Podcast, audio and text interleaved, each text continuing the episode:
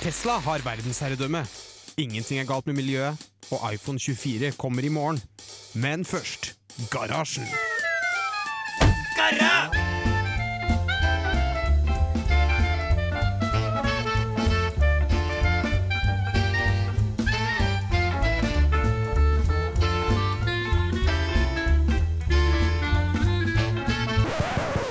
radio Revolt!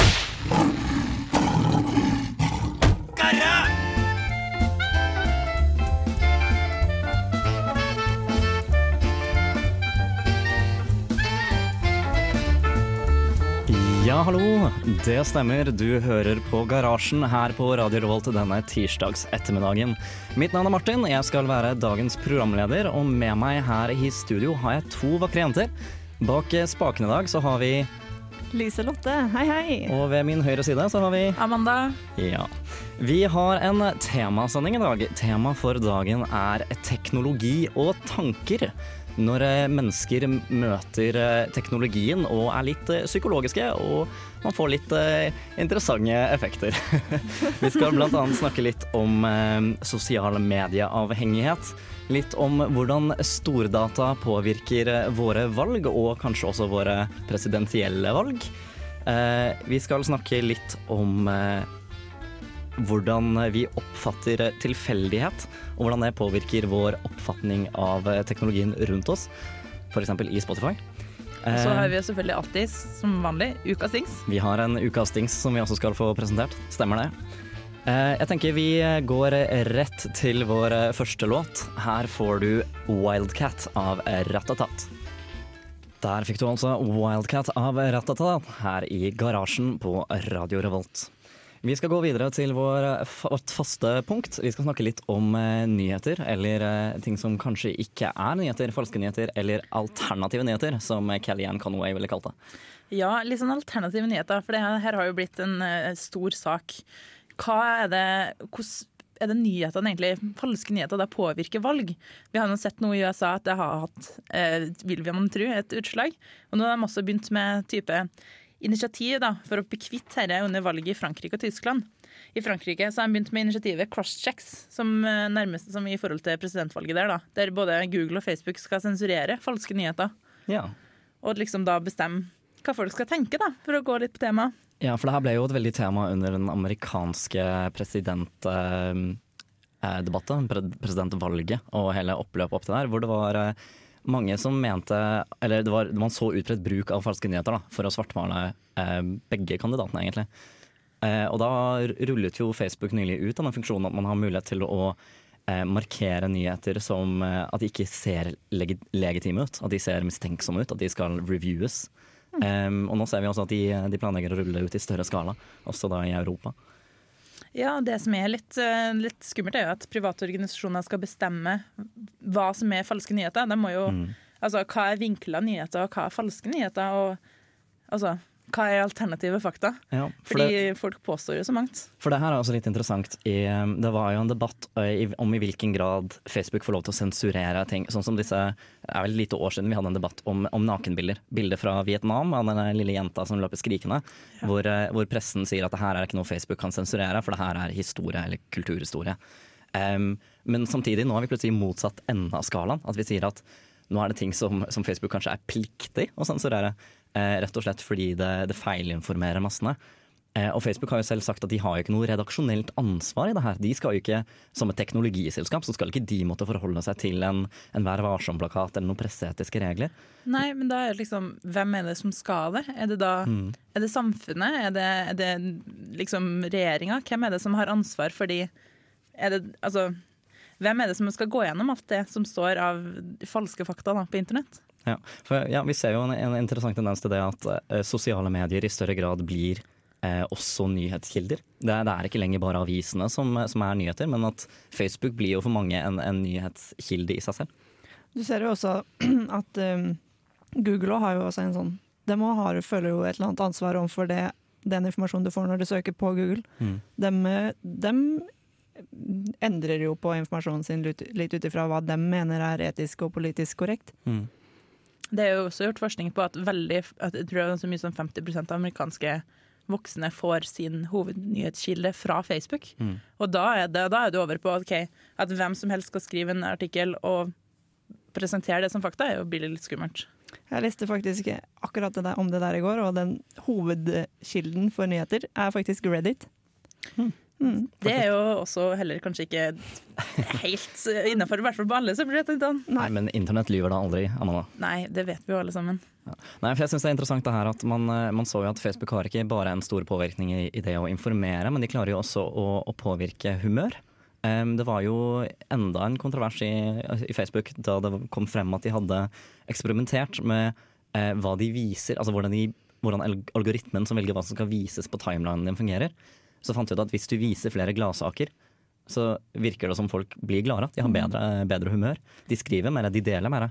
Mens hvis du viser negative nyheter, hvis du viser kjipe saker, så får du også at folk blir mer, mer inneslutne og agerer mindre. Da. da var det mange som mente at her er det jo Facebook som tråkker over alle grenser hva gjelder etikk. De kan jo ikke drive og eksperimentere på brukermassen sin på den måten. Og der går det jo litt sånn på samme måte, hvis, fordi ofte da, jeg får jo relativt lite sånne falske nyheter, fordi de jeg, følger, de jeg er venner med, de deler ikke så mye sånt.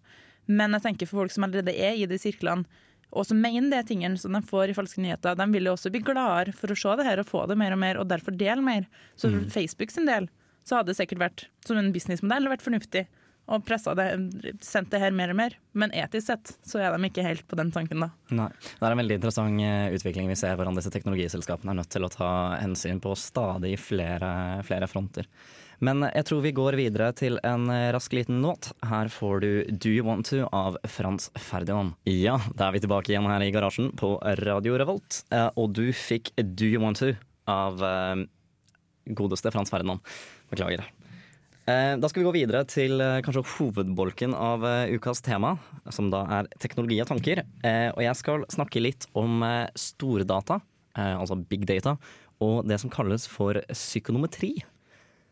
Har, er det noen av dere som har hørt det begrepet før? Kan ikke si det, det, nei. Nei. Okay. Psykonometri handler så enkelt som, eh, er så enkelt som bruken av statistikk eh, for å, og sammenligne, altså sammen med psykologi for å analysere store mengder data. Eh, hele det her baserer seg på en veldig god artikkel fra NRK Beta om hvordan psykonometri kanskje har påvirket det amerikanske valget i større grad enn forventet. Det er nemlig en veldig kjent psykolog ved navn eh, Michael Kosinski som, er, som ble kjent for et par år siden eh, for å ha utviklet en, eh, en app på Facebook eh, som tillot en, en psykologitest, rett og slett. Eh, basert på noe som kalles for The Big Five.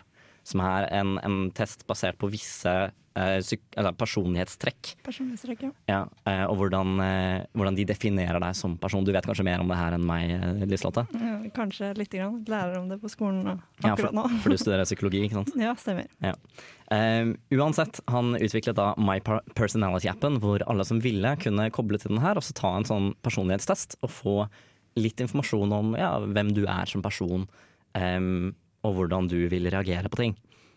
Er det litt sånn som det bokstavene og den, eh, den Det er 16 person, person, personligheter i den? Er Ja, de der INTJ, jeg husker Ja. ikke hva den personlighetstesten heter, men eh, ja, Det er litt på samme måte. baserer seg litt på det samme. Det går på fem eh, faktorer, såkalt openness, conscient- conscientiousness, eh, extroversion, agreeableness og neurotism.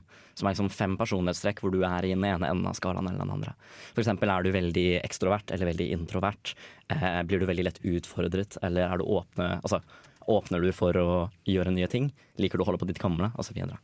Så er det snakk om at det er eh, under eh, kampanjen, eller presidentvalget i USA, så er det et lite analysefirma fra Cambridge University som heter Cambridge Analytica, som nå har kommet frem at eh, ble hyret inn av bl.a. Ted Cruz og Donald Trump for å drive med analyse på velgermassene.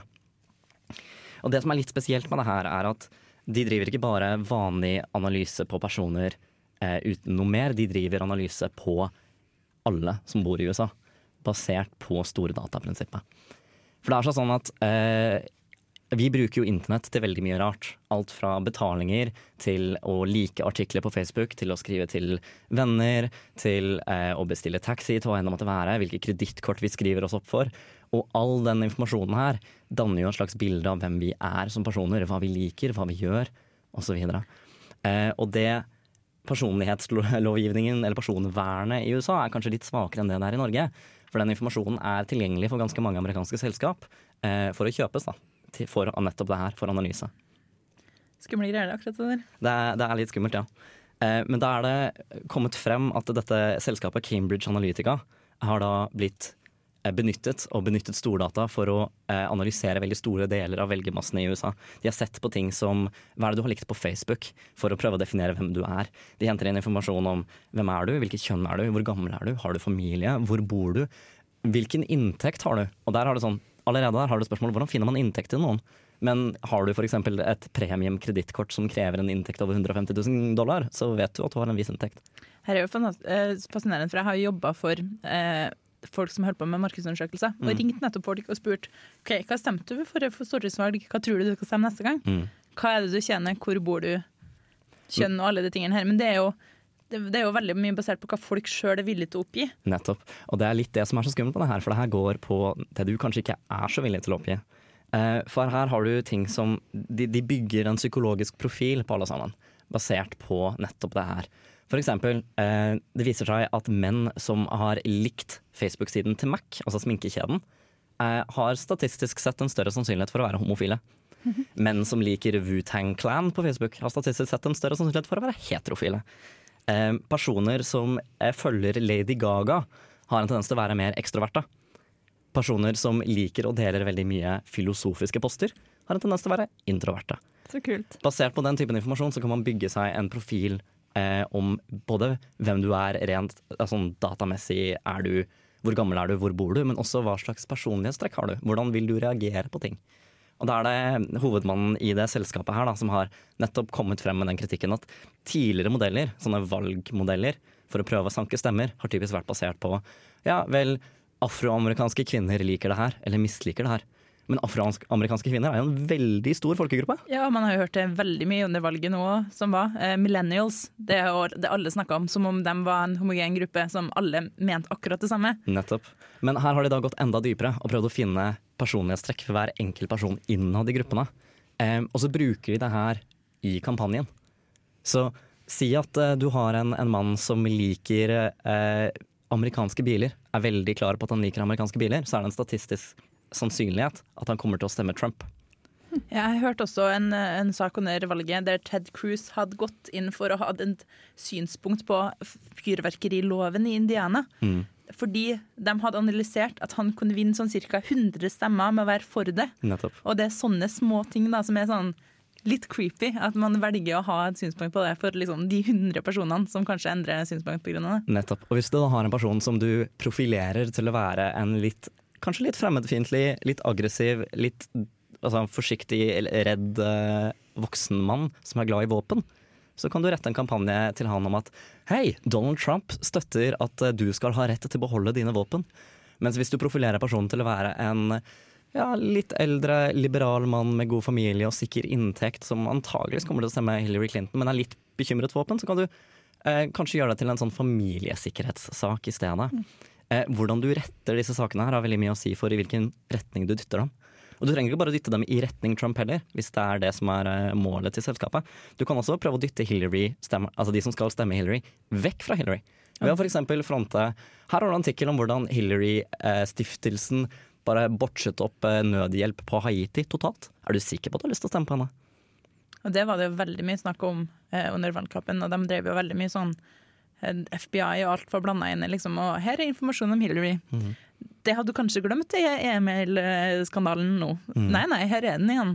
Vi skal aldri slutte å snakke om det. Aldri. Men kanskje det mest skremmende med hele her er ikke bare det at du får tatt veldig store menneskegrupper, og så får du profilert henne på veldig nøyaktig individnivå, og dermed pushet liksom retningsstyrt reklame for å dytte dem i en eller annen retning. Det skumleste er kanskje det at de vet ikke om det. Jeg sitter, når jeg ser reklame på Facebook-feeden min, så vet jo jeg, fordi jeg er opptatt av det her, at det her er basert på min søkehistorikk.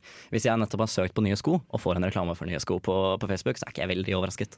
Men hvis det kommer en, en nyhetsartikkel om ja, f.eks. Hillary-stiftelsen, da, eller Clinton-stiftelsen, beklager, Um, er det noe jeg kommer til å tenke at det er blitt dyttet på meg grunnet profilering av meg? Nei, ikke, ikke uten videre. Så nettet funker i uransakelige veier. Det, det, er mye man kan gjøre hvis man kontrollerer eh, den, eh, det her som ligger bak alt sammen. Mm.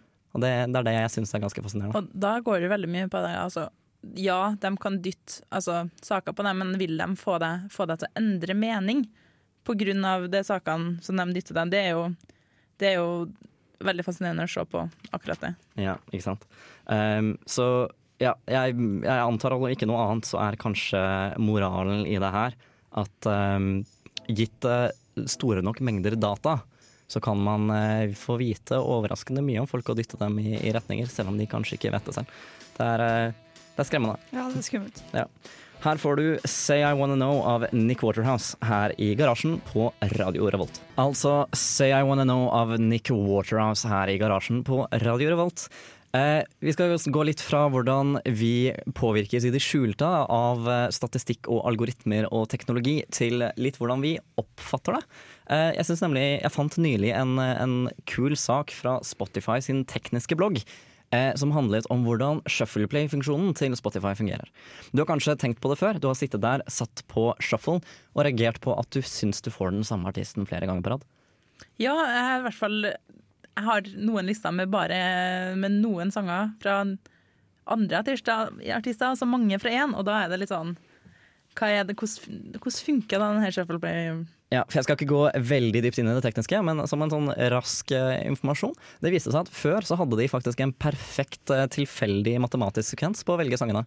Uh, men så viste det seg at folk synes det ikke virket tilfeldig, så de var faktisk nødt til å gjøre algoritmen mindre tilfeldig for at den skulle virke mer tilfeldig. Det har seg nemlig sånn at Hvis du har Si at 40% av eh, det du har på lista di er Lady Gaga, så kommer Lady Gaga til å komme ganske mange ganger på rad, sånn rent statistisk. De måtte faktisk bryte det opp for at det skulle virke mindre sammenhengende. Så gjøre det mer tilfeldig for at det skulle være Nei, mindre tilfeldig for at det skulle virke mer tilfeldig. Det, statistikk virker på rare måter. Her får du en uh, liten pause fra oss, og så er vi straks tilbake med Ukas Dings. But there is one more thing.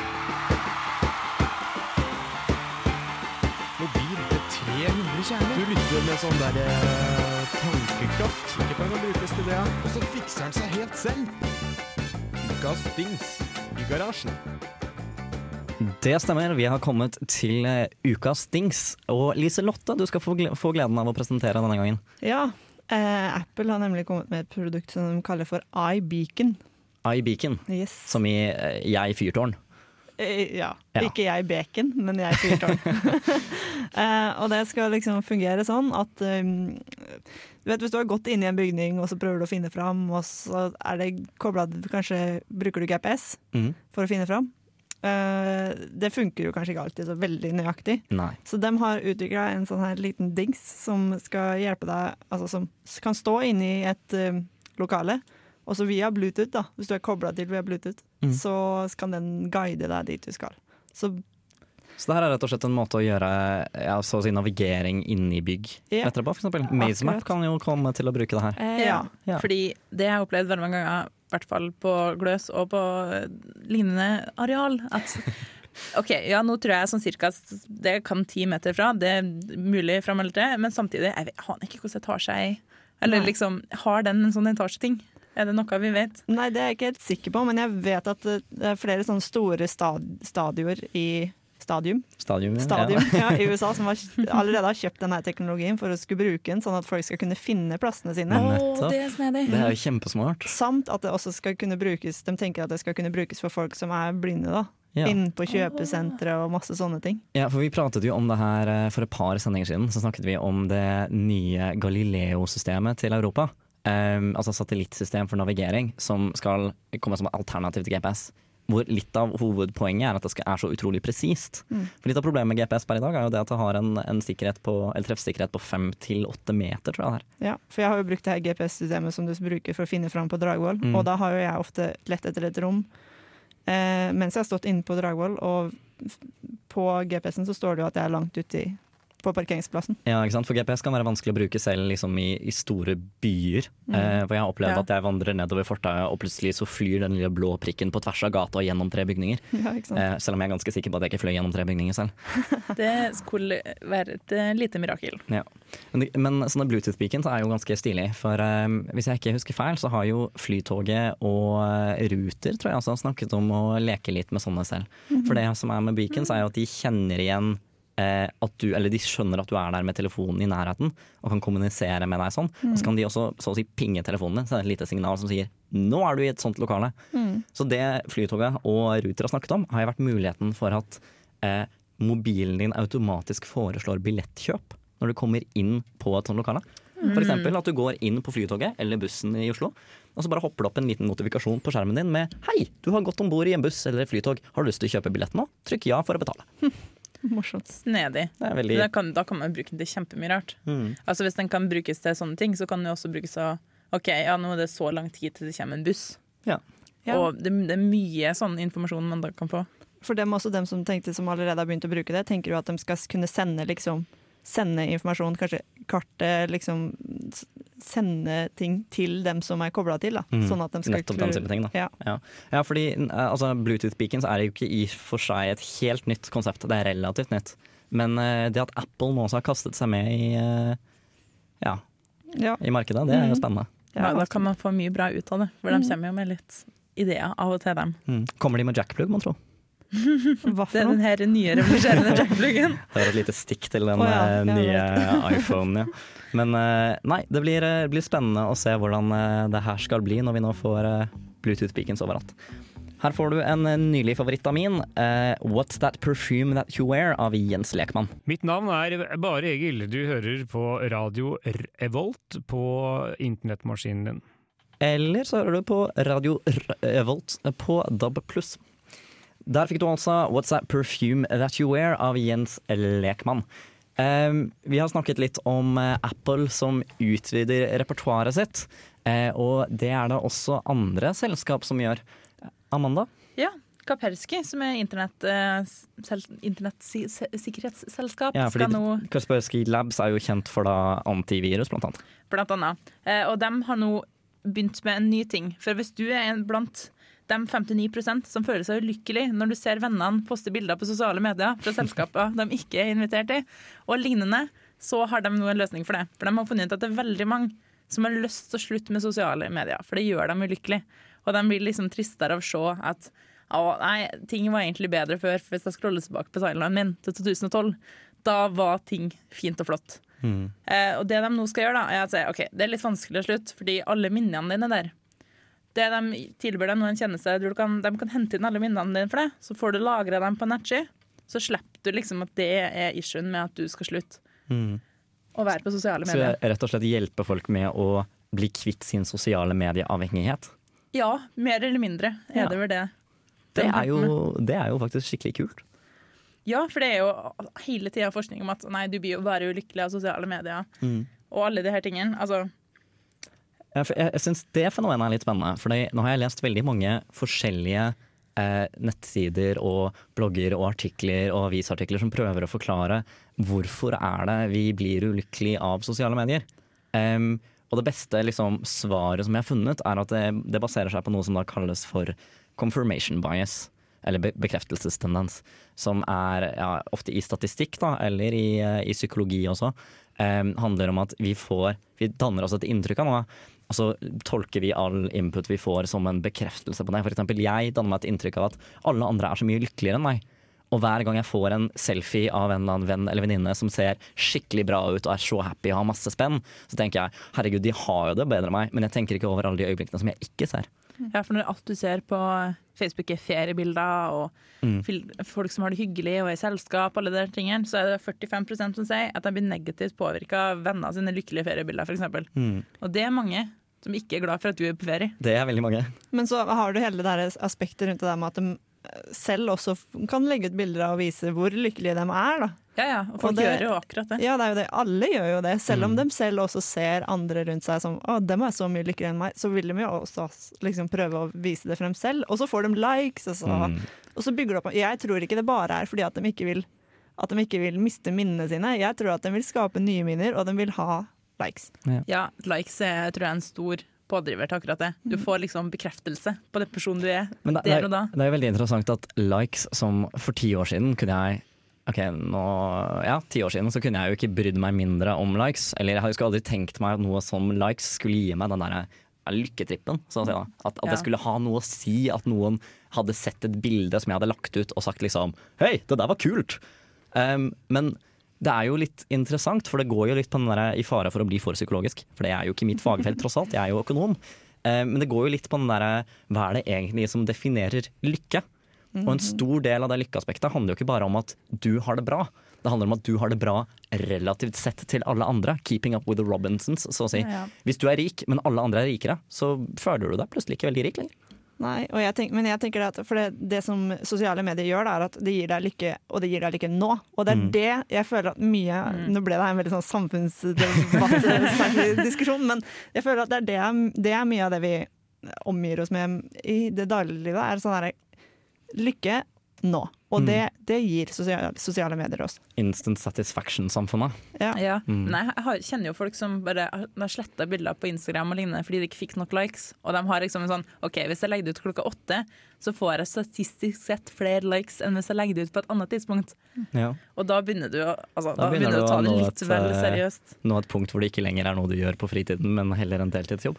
Ja, det er litt, litt sånn det, Da du burde du være SoMe-ansvarlig et sted, liksom. Ja, men er, er ikke det her litt altså er, Det er litt interessant spørsmål. Er vi dømt til at sosiale medier skal bli en sånn frontkultur? Er det, har vi, hvordan kan vi få Facebook til å bli et sted hvor folk er lykkelige uavhengig om de får likes eller ikke? Mye av det bør jo gå på altså, Jeg ser jo min generasjon, altså i forhold til de litt eldre menneskene som min mor, som jeg er venner med, De poster jo mye mindre. Ja. Mens foreldre, altså mine foreldre deler liksom Å, nå har vi hyggelig rekefredag på verandaen, liksom. Mm. Og jeg tror kanskje det er en, en redninga, da. At man på en måte slutter å bli min, mer, mindre og mindre avhengig av å poste ting overalt. Man rett og slett gir litt faen? Ja. Jeg tenker også til det sted, men jeg tenker også det at det her med det, så ekstremt som det her er nå, det er en sånn her ekstremkultur. Mm. Og alle ekstremkulturer har en tendens til å få en sånn her tilbakeslag der hvor det går ekstremt andre veien. Så jeg tenker at det kanskje løser seg etter hvert av seg selv. Fordi det er det det ofte gjør når ting går ekstremt den ene veien.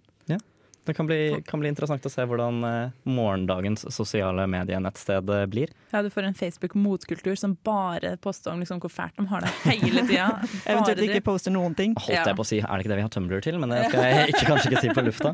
Eh, men ja, hvis du vil bli kvitt din avhengighet, er altså Kaspersky Labs stedet for deg. Her får du Dangerous av The XX i garasjen på Radio Revolt. Dangerous av The XX her i garasjen denne tirsdags ettermiddagen. Eh, Det er altså få ting som vekker like mye følelser som internett og sosiale medier, men det er et annet sted hvor det også har gått litt hett for seg, eller hva, Amanda? Ja, IMDb. For de har nettopp konkludert med at som de sier, IMDbs diskusjonsforumer ikke lenger tilbyr en positiv og nyttig opplevelse for den store majoriteten av våre brukere. Ja, for det her er jo da først og fremst film- og TV-forum. Ja, De skal egentlig diskutere film og TV.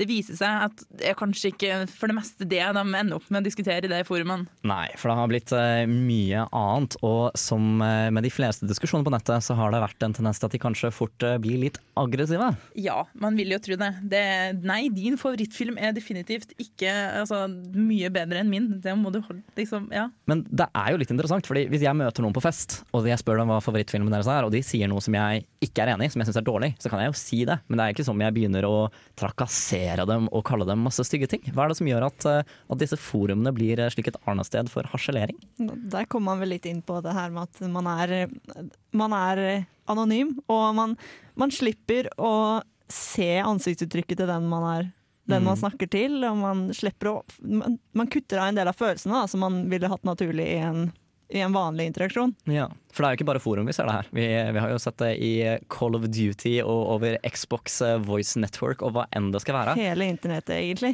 Ja, Hele internettet er jo vært en flame war siden det startet eh, på 70-80-tallet. Ja. Ja.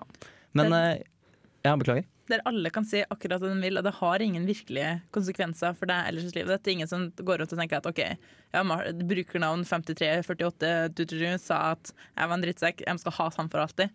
Mens ja. hvis du har kommet og sagt noen til det på en fest, så har folk tenkt at Martin er en drittsekk, liksom. Ja, eller Slayer XXX har hevdet at han lå med moren min i går kveld, og da må det jo være sant. ja. For internett lyver jo aldri. Nei. Men uh, det er jo litt interessant da, at nå har vi nettopp diskutert at vi så lett blir påvirket av hva andre mener på sosiale medier. Eller andre, hvordan andre har det, hvordan andre hevder at de har det. Mm. Og likevel så er det en så lav toleranse for å skulle slenge ut mot folk vi ikke kjenner. Mm. Er ikke det litt en, en, en selvmotsigelse, nesten? Jo, men så er vi jo som mennesker litt selvmotsigende i oss sjøl, så eh, ja. jeg ser ikke det jeg mener, Er det de samme menneskene, tror du, som sitter og snakker dritt til andre ja. på internett, som tenker at å, de la ut feriebilde, å nei, livet mitt er fælt? Jeg tror det har noe med det å gjøre, for jeg tror egentlig ikke noen av de som står i det rommet her nå, noen gang har vært noe sånn ekstremt slemme, i hvert fall. På jeg skulle bare visst hvor mange, hvor mange motstandere sine mødre har ligget med, altså. ja, sant. Nei, fordi det er jo mye det det handler om. Altså, hvem hvem er det som gjør det her? Fordi det er jo ikke alle. Det nekter jeg å tro. At alle sammen har en dyp eh, gjemt internettpersoner som de går hjem og snakker dritt om alle om. Nei, det får vi da håpe at ikke alle sammen har. Det er litt morsomt når, når, Erna Solberg kritiserer eh, filmvalget ditt for å være skikkelig skikkelig dårlig og mener at du kan gå og dø i en brann. Men så IMDb tenker ikke at de, de vil ikke ha noen moderatorer på det her, de vil bare kutte det ned, liksom? Ja, de legger det ned. Nå er det ti dager igjen, så hvis du har noe du vil ta vare på i det forumet, så har du ti dager på det. Men de sier at de skal begynne med da, nye funksjoner. Det vil vi få vente og se på hva er da. Ja, for det er jo en tendens som vi ser at driver og sprer seg. Nå er det jo flere norske nettaviser som også har eh, begynt å stenge kommentarfeltene mellom ti og seks om morgenen. Så det er mange steder hvor man rett og slett mister litt kontroll på nettet. Vi får uh, se hvordan det her går. Men nå får du da altså Nightcall av Kavinsky her i garasjen. Da altså Nightcall av Kavinsky her i garasjen på Radio Revolt. Vi er kommet til veis ende for denne gang. Eh, Temaet for denne uken har da vært eh, teknologi og tanker. Hvordan vi påvirkes i møte med teknologien. Og vi har da vært gjennom alt fra fake news til hvordan psykonometri og big data påvirket eh, presidentvalget i USA. Vi har snakket litt om eh, Spotify sin eh, shuffle-funksjon, veldig hurtig. Eh, og snakket litt om hvordan Kaspersky til, tilbyr nå en tjeneste for de som er blitt sosialt medieavhengig, for å komme seg videre. Og helt til slutt så snakket vi da litt om, om trolling på nettet, og hvordan folk er i møte med andre når man kan skjule seg bak et teknologisk anonymitetsskjold. Dette har vært Garasjen. Radio Revolts ukentlige teknologimagasin. Og med meg i studio har jeg da hatt Liselotte. Amanda. Tusen takk for oss. Vi snakkes igjen neste uke. Ha det bra. Ha det fint. Ha det. Du lyttet nettopp til en podkast fra Radio Revolt. For å høre flere av våre podkaster, gå inn på radiorevolt.no.